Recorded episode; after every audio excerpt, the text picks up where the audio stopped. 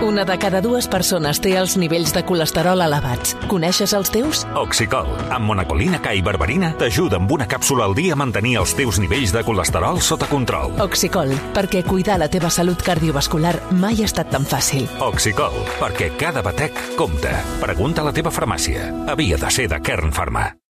Via lliure. Podcast. Au village sans prétention, j'ai mauvaise réputation. Que je me démène ou que je reste quoi, je passe pour un je ne sais quoi. Ai, sí, mira, ara em venia molt de gust sentir aquesta sintonia. Tu. Ai, sí, eh? Ara sí, ara avui no, avui no cridaràs. Bueno, No cridaré, eh? parlarem de Pasteur. No. No Pasteur. Hosti.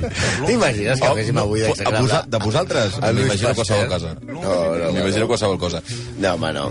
Ah, Què, què primer de tot, les condolències. Un dia que et donen un premi, bueno, que ens donen un premi i l'has d'anar a recollir tu, i resulta que per això del coronavirus va i el... Però digues, el discurs deies alguna cosa? No sé. Ja, ens, Quin discurs? El tenies preparat, això era, Sí, sí. això era dijous Fa que anys ve, no? ho Això, això era el dia 25. I no el tenies preparat, El encara? què? No. El, el discurs. He tingut molta feina, jo. Però és veritat, han cancel·lat el, eh, l'entrega de premis dels Premis Ràdio Associació. Aquest que ens van donar a nosaltres i que Eh? recolliràs tu. no?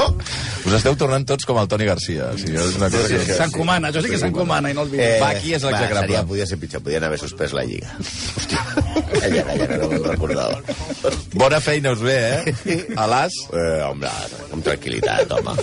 Podem, mira, avui ens ha ajudat molt Ortega Smith, Ah. que ha fet el vídeo aquest fent esport. Sí? Pues això, pues mira, Fent és, esport. és allò, com un imbècil hace deporte. Va, tira. Va. Bueno, eh, avui no havien d'estar els pianos aquí, no? Bueno, sí, havia d'estar als pianos. Ja, Ja, ja, pues, ja ens vam començar a preparar tema per fer pianistes. Ah, sí? Sí, perquè tingués una cosa, però clar, com Una no hi mica- ha una mica de sentit. Però també vam començar a pensar que els pianistes que realment de la història que ens interessaven, que eren Qui? la trilogia Les tres bessones del piano. Qui? Felipe Campuzano, Richard Kleiderman i Maricruz Soriano. Tots estan vius i encara no, podia, no podien fer-lo. Però Kleiderman teniu preparat ja el, el personatge per quan... Sí, i Felipe Campuzano, que em van explicar que un dia... Prou. Va tocar, Què? va tocar en una gala d'un famós diari esportiu de Barcelona, que no és el, que no és l'esport, que, i, que va, i que va fer allò d'anar tocant les tecles, que s'havia fotut tant whisky abans, que va acabar caient en plan Peter Sellers al guateque. Bueno, Va, tira. Bueno, avui us ajudarem també per passar la, la confinació aquesta perquè una de les coses que es pot fer és llegir, llegir novel·les, sí. novel·les d'aventures, i avui us portem el gran creador de les novel·les d'aventures per antonomàcia, no? Si us quedeu tancats a casa, doncs podeu revisar les obres del nostre protagonista d'avui i, eh, i, i disfrutar com a camells, perquè, sí, perquè haureu vist les pel·lícules, però no les novel·les.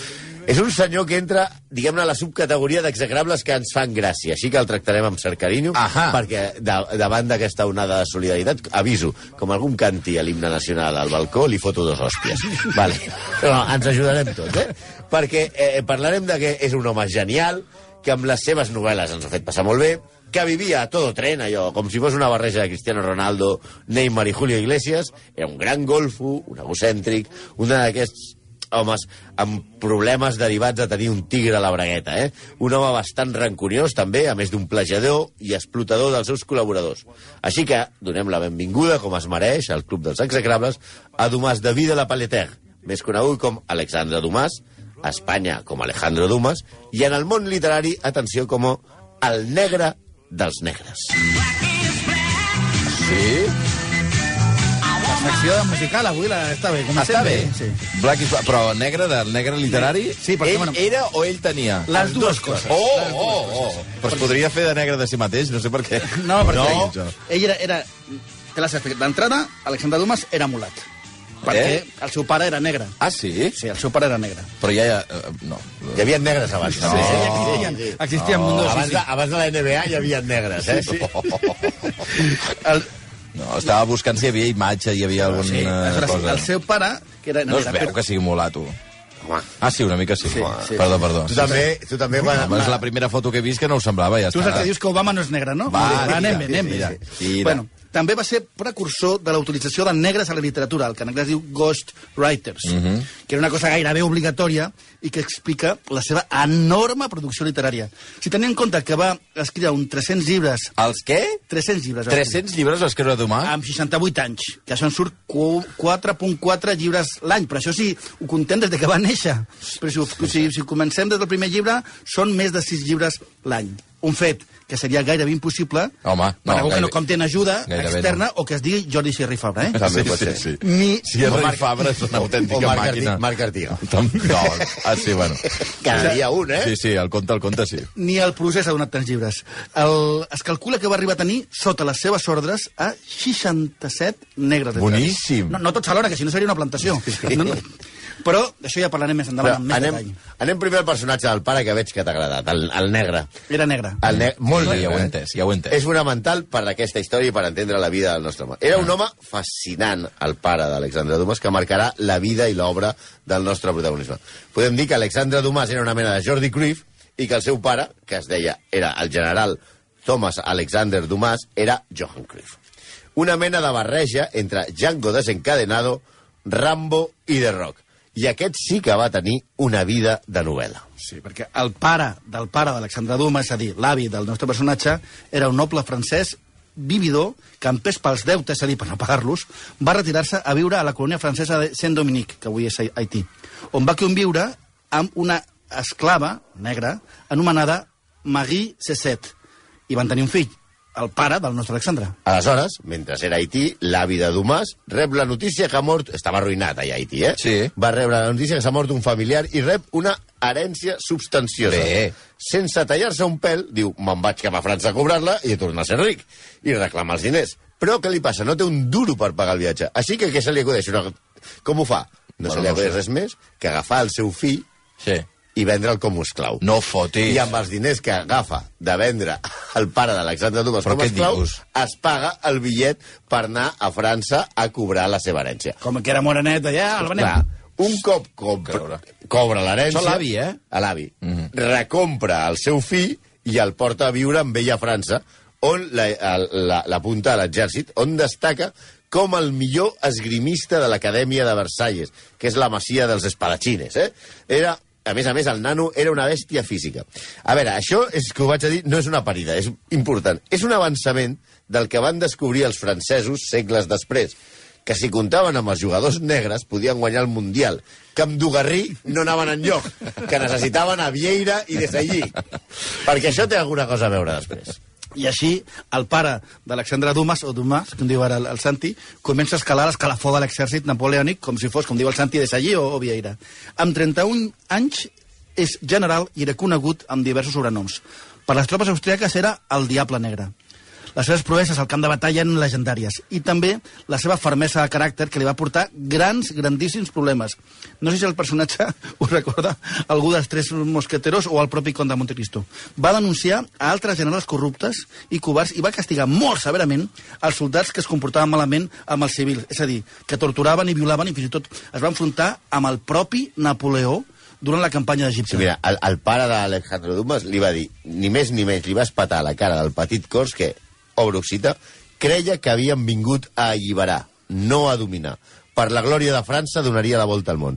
Però si tot això només és un caprici vostre, no dono una passa més, li va dir. Ja sabem que els baixets amb poder, és a dir, Napoleó, tenen molt mala llet, i més si els vacila un tipus que és com un castell. I si voleu qui és el que guanya la batalla, recordeu el que va passar amb Messi i Ibrahimovic. Per tant, ja us imagineu com va acabar, qui va acabar palmant.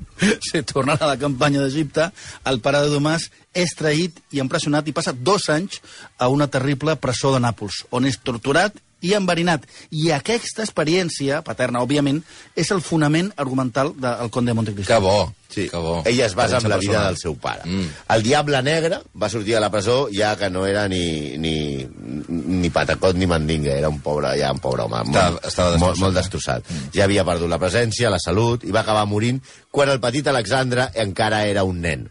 Havia idolatrat tant el seu pare que quan li van donar la notícia de la mort del seu progenitor va agafar el fusell del seu pare, va sortir disparat cap al terrat i quan li van preguntar on anava va dir M'han dit que Déu s'ha endut el meu pare i pujo al terrat a matar Déu. Molt bé, xaval.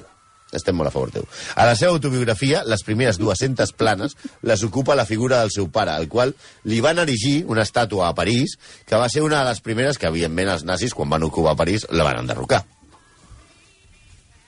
A veure si podem sentir ara. Ui! Ah, los mosques perros. Eh? Sí, sí. Home, clar. Sí, sí, sí. I anem, anem a per l'obra que, va, fer- que el va fer totalment immortal. Tot i que a Espanya, una generació de friquis, Que sou la majoria que ens esteu escoltant. Què passa? curiosament, la mateixa que pensa que Phileas Fogg es deia Willy Fogg, Sí, i que sí, a veure, conven- prou, sí, això em posa de molt mala llet, eh? Sí, Phileas! És que és Willy Fogg. No, Willy Fogg no existe, és un puto dibujo animado, el personatge es diu Phileas Fogg. i que no existe Rigodon. No, no, no existe. Passepartout, no hòstia puta. Rigodon. Era una puta sèrie de dibuixos animats. Llegiu el llibre, hòstia. Bueno, I també està convençut de I que... d'Artacan. I Clar, que es deia d'Artacan, no es diu D'Artacan, D'Artagnan! D'Artagnan, home! Joder, no és tan difícil. Sí, Imbècil! que aquest era, un, aquest era un ninot que anava amb jaqueta i sense pantaló ni calçotets, com ara la gent aquesta Sí. que posa abrics de plomes als gossos i qui pensa, per què no li poses unes ulleres, una corbata, fill de puta? Va, eh, eh, calma, A veure, calma. recordeu el dibuix animat de d'Artacan? De Sí, d'Artacan, sí, que el recordem, Que portava sí. una guerrera, un barret i anava amb la pistola a l'aire. Has, ja no, això no me'n No recordo. eh, la no portava pantalons. no li dibuixava la titola, però anava sense pantalons. Ah, sí, de fet, sí. els gossos el primer que fan quan es veuen és olorar-se el cul. Va. I, per tant, imagino Per que per això els pantalons els molesten. Va. De fet, hi havia una imatge molt graciosa en la- en l'inici de la sèrie, que és que surt ell el Anaven bé, anaven bé. Jo crec que anaven bé. Vale, bueno, segueixo. bueno, que se li veia com una, un rabo. És igual. Bueno, de fet, el, el fet d'anar amb la jugueta a l'aire i també el rabo a l'aire, Anaven bé. també ho practicava molt Alexandre Dumas. Que de Eh? ben petit... El què? Sí. Però què dius, animal? Es Vull dir que li agradava va fer servir Va, l'instrument. igual, va. Alexandre Dumas, des de ben jove, es va caracteritzar per la seva facilitat per treure a passejar l'espasa com Vinga. si fos d'Artagnan. Bueno. bueno, com seria Aramis en la novel·la. Comprovat va tenir quatre fills il·legítims. I de jove es va El, dedicar... els quatre són il·legítims, Sí, eh? Mm. quatre com a mínim, reconeguts. Es va dedicar a perseguir senyoretes. Gràcies a la seva habilitat caçant, era molt bon caçador, va aconseguir pagar-se un bitllet a París on va entrar a treballar com a escrivent del duc d'Orleans, gràcies a la seva perfecta cal·ligrafia. Expliqueu-vos això una cosa. No podria haver sigut metge, però podia treballar pel duc d'Orleans. I és aleshores quan comença a publicar obres fins a adquirir fama mundial gràcies, sobretot a la gran obra que estem parlant, que li va donar la immortalitat. Els tres mosqueters. Sí, Els Tres Mosqueters va ser una obra planificada, documentada i estructurada per un senyor que es deia August Maquet, És que no us sona de res. que no, no sonarà de res, no sabeu qui és, però va ser Perdona, aquest és la- l'artífex Qui ho va escriure? és el que l'artífex de que va fer tota la, la escrivia l'estructura eh, de personatges, tots els la personatges, investigació la investigació, tot. El negre. tot. El negre. Eh, De ben, de, O sigui, Dumas no va escriure el 3. No, Bueno, ara, bueno, li va ara va rematar-ho. Exacte, va rematar. I a sobre, en el cas dels, tres eh, mosqueters, Duma va basar-se ja fregant el plagi, de molt a prop, i necessitaria amb el bar, en un llibre de 1700 titulat Memòries del senyor d'Artagnan, tinent capità dels mosqueters del rei. Home! Eh, Una miqueta, tot apunta no? que el bar diria plagi, eh? mica, eh? D'Artagnan? Sí. Sí, que aquest llibre estava escrit per un tal Gatien de Curlitz i Duma es va trobar aquest llibre a la biblioteca de Marsella de casualitat i el va treure en préstec i el dia d'avui encara estan esperant que el torni. Sí, abans que la multa, mai, no? la multa pot ser acollonant. Ara té l'excusa del coronavirus. És que no... no hòstia, puta, que se lo, lle No que se lo llevo en 1820. oiga. Vale, no he pogut. El llibre és un absolut... El llibre, Els tres mosqueters de Dumas, sí. és una absoluta meravella. Home. En el que hi ha aventura, honor, traïcions, eh, lluites, assassinats, amors, política i de tot. Però cal dir que històricament és una aberració absoluta. Sí? Tot i que els personatges, el propi D'Artagnan i els seus companys Athos, Portos i Aramis, no Amis, Pontos i, I Dogos, no! Per favor, no. Amis, Pontos i Dogos, no. Athos, Portos i Aramis. Sí, no cal dir, també, que el, el, el cardenal Richelieu, Sí. Rochefort i fins i tot Milady van existir tots ells. Sí. Però mai van coincidir en aquest moment històric. Els va col·locar tots allà. El pastitge històric el, justifica, el justificava Alexandre Dumas dient que a la història se la pot violar sempre i quan li facis un bonic fill. I jo li he fet més de 300. Carai. Sí, sí.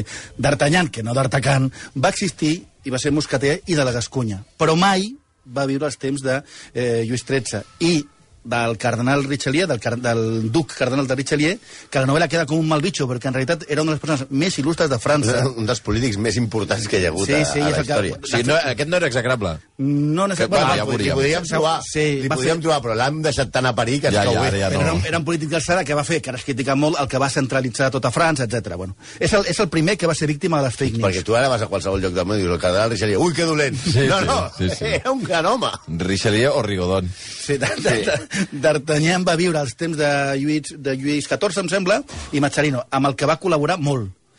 Un, de fet, els mosqueters i la guàrdia de Richelieu no mantenien cap pugna. No, no hi ha això- aquesta rivalitat falsa. Però, però sí que en el seu relat dels tres mosqueters, Dumas posa notes de veritat inspirades en el seu pare, que són les més boges. Per exemple, a l'inici de la novel·la, recordareu que D'Artagnan desafia en un matí a duel els tres mosqueters que acabaran sent els seus, els seus companys inseparables. Correcte. I això està basat en una anècdota real.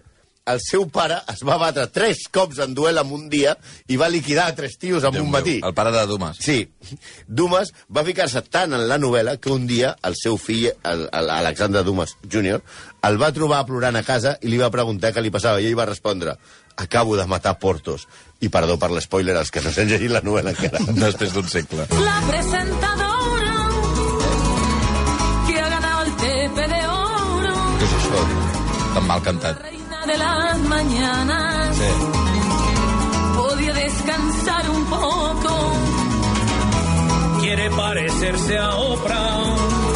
Anna, la cançó d'Anna Rosa Quintana. Com la cançó d'Anna Rosa Quintana? Hi ha una cançó? A, a, Ana Rosa Quintana sí, perquè, perquè, perquè hem parlat de plagi, hem parlat de negres... Va, i és que, hòstia, i és que, que, que, Aquesta cançó ho explica. Sí, no, ja m'ho imagino.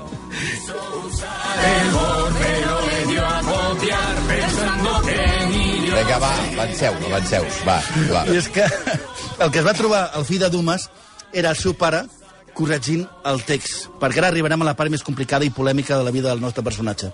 Ja us hem dit que la seva producció literària no la suportava un humà. Penseu que, a més de les 300 novel·les, va escriure... Eh, o sigui, en, el- en el seu equip hi havia més gent que el que està fotent al Càmera de Madrid, a Gandia, a la Costa Dorada, a la Manga del Mal Menor, Galícia... Va inventar-se, o sigui, el, el Dumas va inventar-se 4.056 personatges protagonistes, No, és 8.872 secundaris i 24.339 figurants. sentit, això. Sí, per, això, per tot això necessitava, com, com l'Anna Rosa, eh, l'ajuda literàries, però que no es diguessin catxo. I aquí és on apareix August Maquet, a què havíem parlat abans, que va ser el principal negre de Dumas. Es van conèixer el 1839 i van formar junts una veritable màquina de producció literària. Van escriure eh, en col·laboració una vintena de llibres. Al principi Maquet va acceptar el seu rol, però a poc a poc després va voler reclamar els seus diners i reconeixement. Dumas, òbviament, es va negar, van anar a judici i Dumas va ser condemnat a pagar 145.000 francs en 10 anys. Maquet va intentar també publicar la seva versió dels Tres Mosqueters, que va fer, però va ser un fracàs absolut. Maquet tenia la capacitat per crear la història, investigar els personatges, fer l'argument, però no tenia cap gràcia, la gràcia de Dumas, que escrivint no, no tenia rival. Maquet va arribar a publicar una desena de llibres, però cap d'ells va triomfar. Davant la denúncia i el deute, Dumas va fer el que normalment feia, no pagar i fotre al camp Hosti, eh, al mateix fotis. temps que seguia en la seva tasca amb altres negres. De fet, una de les millors anècdotes amb aquest particular l'explica el seu pobre, propi fill Alexandre, el de la dama de les camèlies, sabeu, que va inspirar la Traviata, en què va, el que va tenir millor relació i que encara que el va deixar eh, internat i va estar 8 anys sense veure'l. Però el, el fill aquest un dia eh, se'l troba eh, i el seu pare li va preguntar has llegit la meva última novel·la? I diu, i tant que sí. I tu? L'has llegit també? La teva.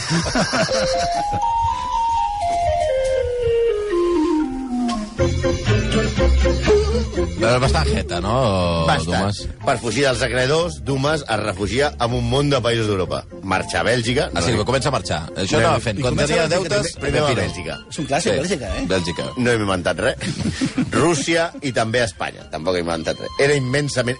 Ell va guanyar moltíssims diners. Home, clar. Va ser uh, un dels grans milionaris de, de la literatura.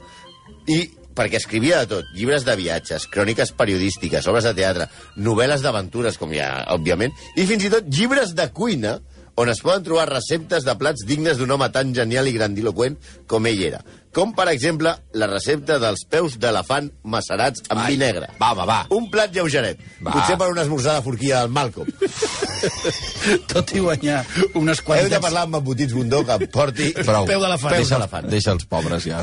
Tot i guanyar unes quantitats immenses de diners, sempre estava arruïnat i sempre devent diners a tothom. Els motius eren diversos. Una, un era la seva afició a les dones, a les que feia criatures constantment. A més de centenar de mans que va tenir, es va casar quatre cops.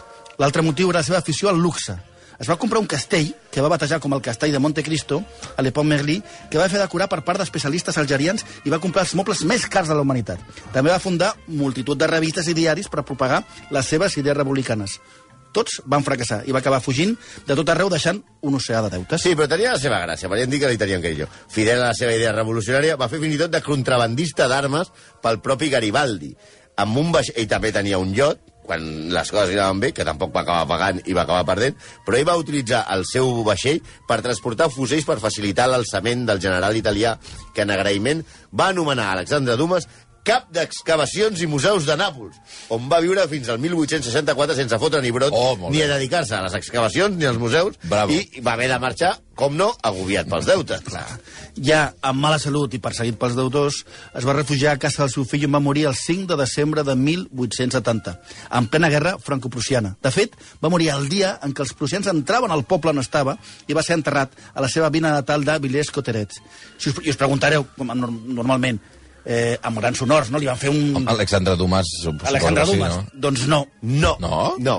Eh, és una figura rebutjada per, fins fa molt poc per la, per, la, per la societat francesa i per el gran establishment cultural francès.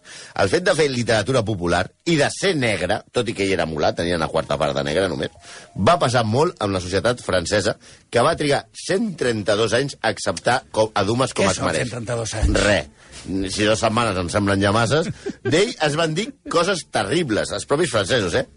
Per exemple, que només cal gratar a les seves obres per trobar la salvatge ànima d'un negre. I això ho deien a les enciclopèdies que escoltaven els esco que llegien els escolars. O sigui, el- l'Arús d'aleshores, eh? Sí, l'Arús con leche. No. Les seves obres no es podien trobar a la, a la biblioteca de la Pleiad.